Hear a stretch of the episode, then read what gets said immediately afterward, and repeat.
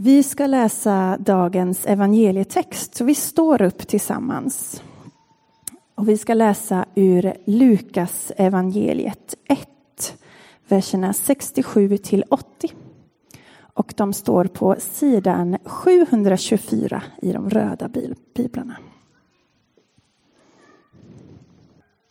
Hans far Sakarias fylldes av helig ande och talade profetiska ord. Välsignad är Herren, Israels Gud, som besöker sitt folk och ger det frihet. Han reser för oss frälsningens horn i sin tjänare Davids släkt, så som han för länge sedan lovat genom sina heliga profeter. Frälsning från våra fiender och alla som hatar oss. Han visar barmhärtighet mot våra fäder som står fast vid sitt heliga förbund, den ed han svor vår fader Abraham, att rycka oss ur våra fienders hand och låta oss tjäna honom utan fruktan. Rena och rättfärdiga inför honom i alla våra dagar. Och du, mitt barn, ska kallas den högstes profet. Ty du ska gå före Herren och bana väg för honom. Så ska hans folk få veta att frälsningen är här med förlåtelse för deras synder genom vår Guds barmhärtighet och mildhet. Han ska komma ner till oss från höjden, en soluppgång för dem som är i mörkret och i dödens skugga och styra våra fötter in på fredens väg. Och pojken växte och blev stark i anden och han vistades i öde trakter till den dag då han skulle träda fram inför Israel. Så lyder det heliga evangeliet. Lovad vare du, Kristus. Herre, vi ber att du skulle öppna våra hjärtan lite på glänt så att ljuset fick komma in, lysa upp, leda oss vidare. Heligande, välkommen. Låt ditt ord bli levande och verksamt. I Jesu namn. Amen. Idag är det Johannes döparens dag i kyrkoåret. Och han är ju den sista i raden av profeter, de här gammaltestamentliga profeterna. Han är den sista i raden som framträder innan Jesus kommer. Och han står i exakt samma tradition som alla de här gammaltestamentliga profeterna som har förebådat att någonting är på väg att hända. Någonting ska hända. Att, att att Gud är och färde. Hjälp på väg. Och i dagens evangelietext så profeterar Sakarias. Och om ni lyssnade på evangelietexten så hörde ni också att det är ju Johannes döparens pappa. Han har varit stum en, länge och inte talat. Men när han då hans tunga på något sätt lösgörs, då är det det ni hörde i evangelietexten som han säger. Alldeles förunderligt. Och Sakarias säger om Johannes, då, döparen, så här. Du ska gå före Herren och bana väg för honom. Så ska hans folk få veta att frälsningen är här så ska hans folk få veta att frälsningen är här. Så han hade ju en väldigt tydlig profetisk uppgift, Johannes. Den var ju direkt riktad till Jesus Kristus och finnas i den kontexten innan han kommer och göra det han ska. Många av de gamla, gammaltestamentliga profeterna de kunde säga någonting om Kristus men de hade en, ett bredare profetiskt eh, uppdrag än vad Johannes hade. Så hans uppgift, Johannes uppgift, det är att annonsera ut att nu kommer uppbackningen. Vi som har väntat så länge, nu är den här. Gör er redo. För 25 år sedan så kom en film som kanske inte blev ansedd som världens eller filmhistoriens bästa film.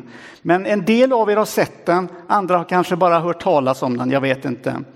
Den hette Dansar med vargar. Hur många har sett den?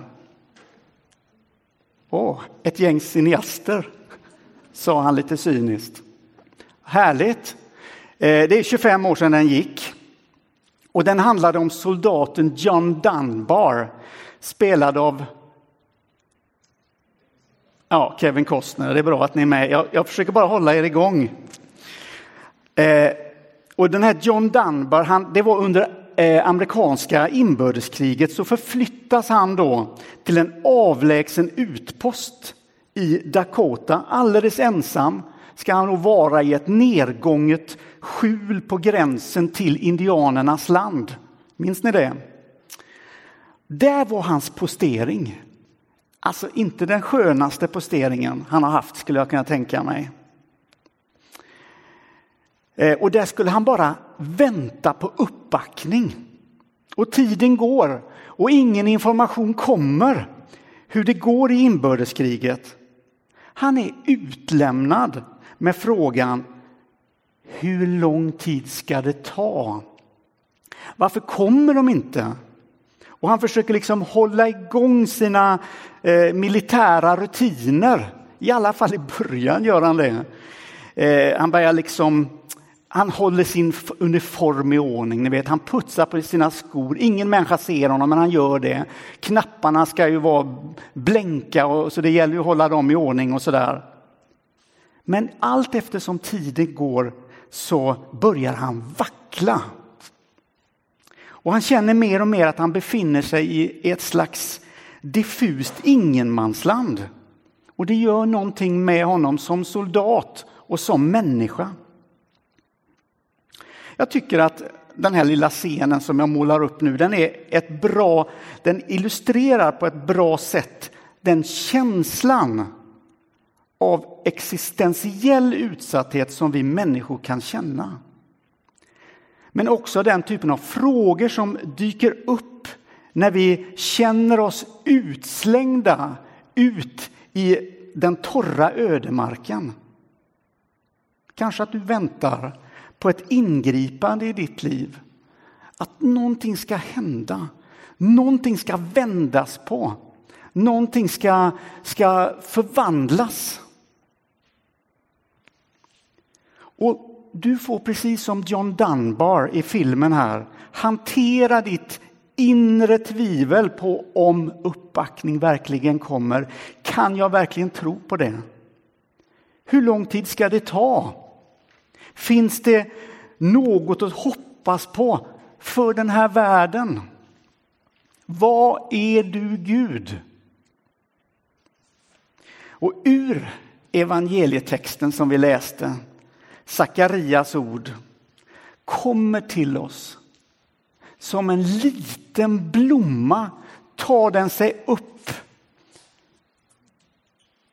ur, en, ur asfalt har ni sett det någon gång? En liten blomma. Om man undrar, hur i hela världen kan den blomman växa i asfalten? Så kommer hans ord till oss idag.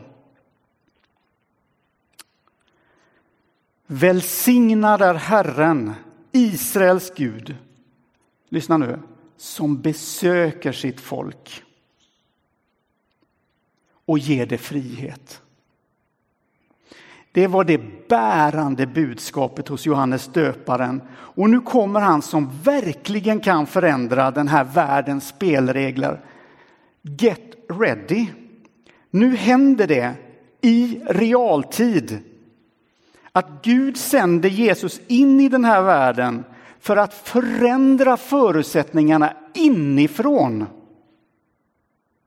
För att på något sätt koda om våra möjligheter. Det är enastående. Det som, det som händer.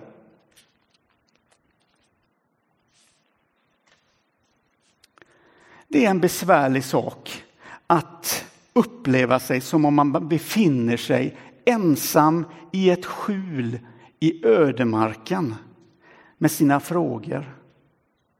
Och det är också en besvärlig sak att hantera den inre hopplösheten som någonstans ständigt vill vara med i, i, i vårt tänkande och i vårt känsloliv. Och då att uppleva att man befinner sig långt ute i ödemarken gör ju inte saken lättare. Så var det för flickan som kämpade förtvivlat mellan hopp och förtvivlan.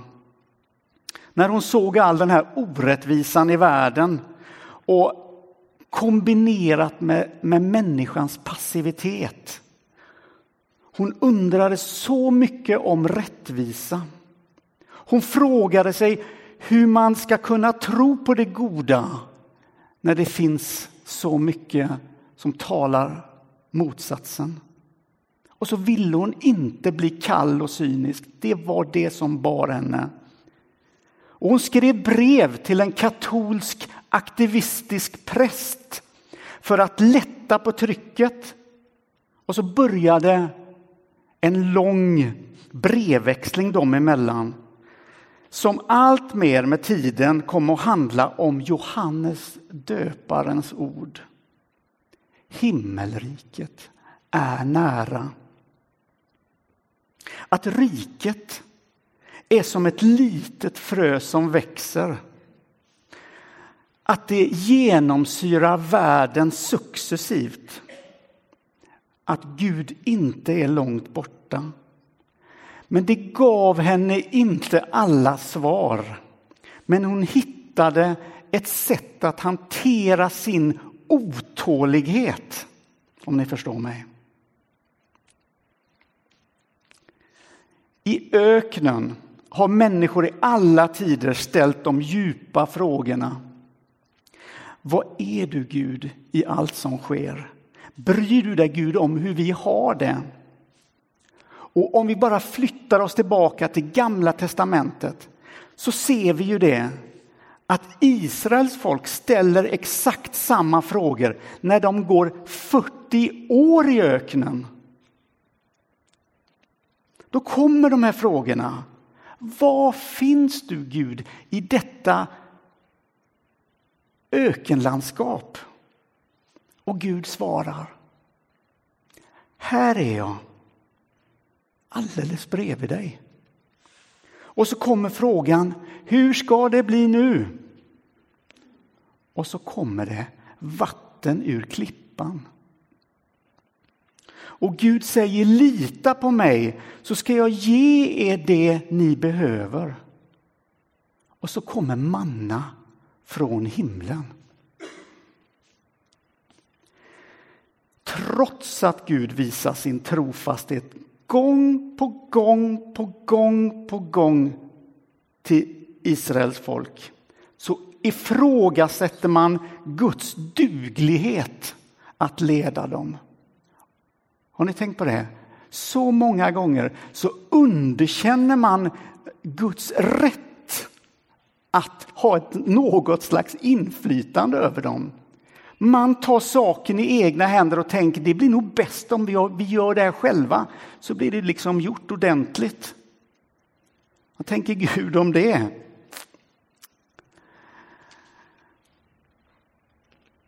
Och I evangelietexten så talar Sakarias om Guds konsekventa trofasthet. Ni hörde det sångerna vi sjöng i början här.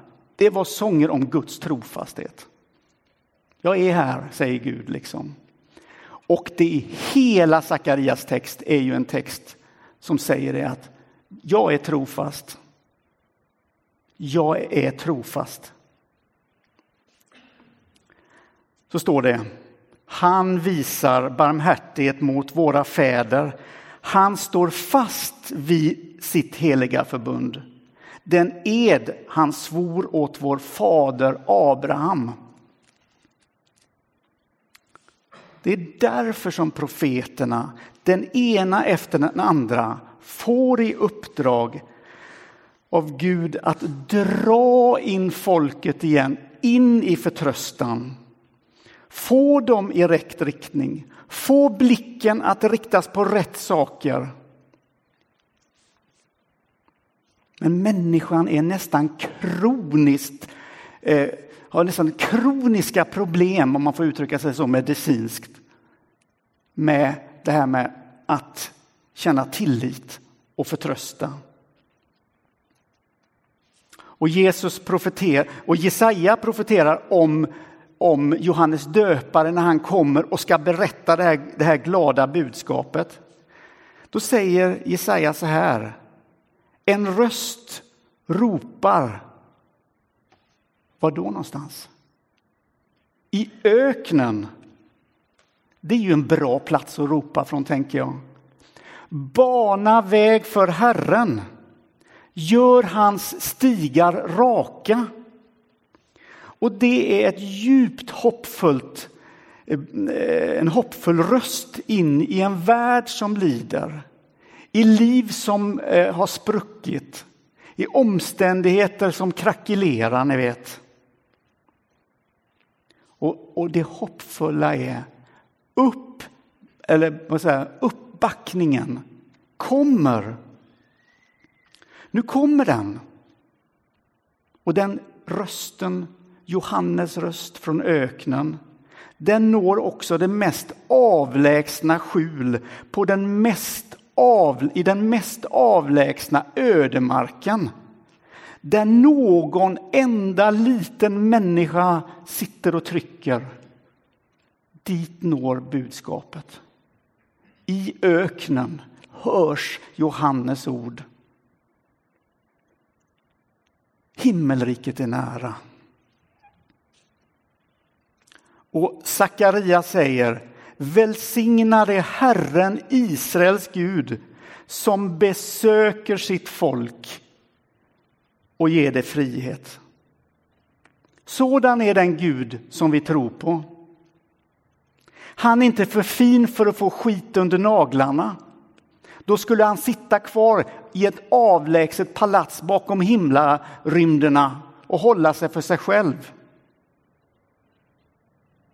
Vår Gud är en Gud som stiger in i historiska skeenden och tar del. Det är det unika med den kristna tron.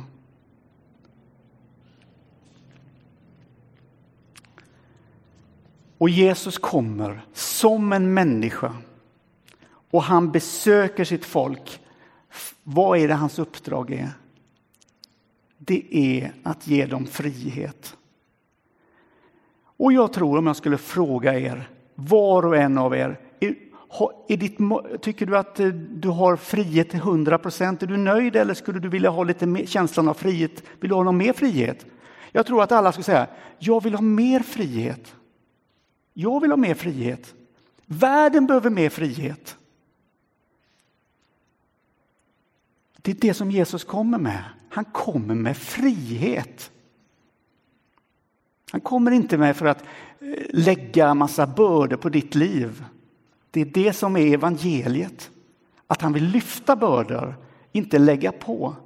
Det är ju en, en alldeles förskräcklig missuppfattning som ibland man kan höra. Att vara kristen skulle vara, handla om att bli mer bunden än att få känna att man är en, blir en fri människa.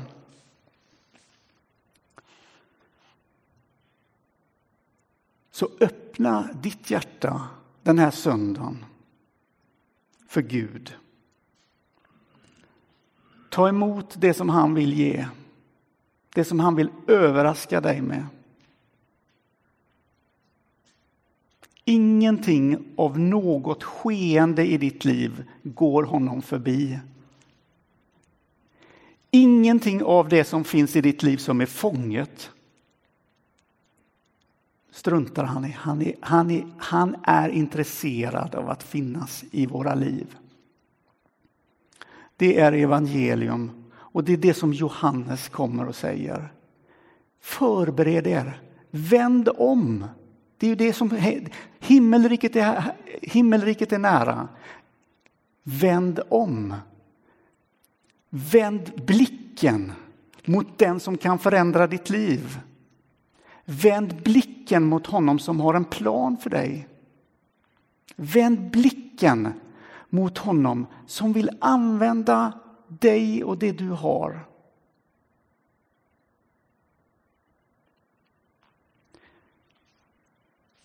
Så öppna ditt hjärta. Himmelriket är nära. Amen.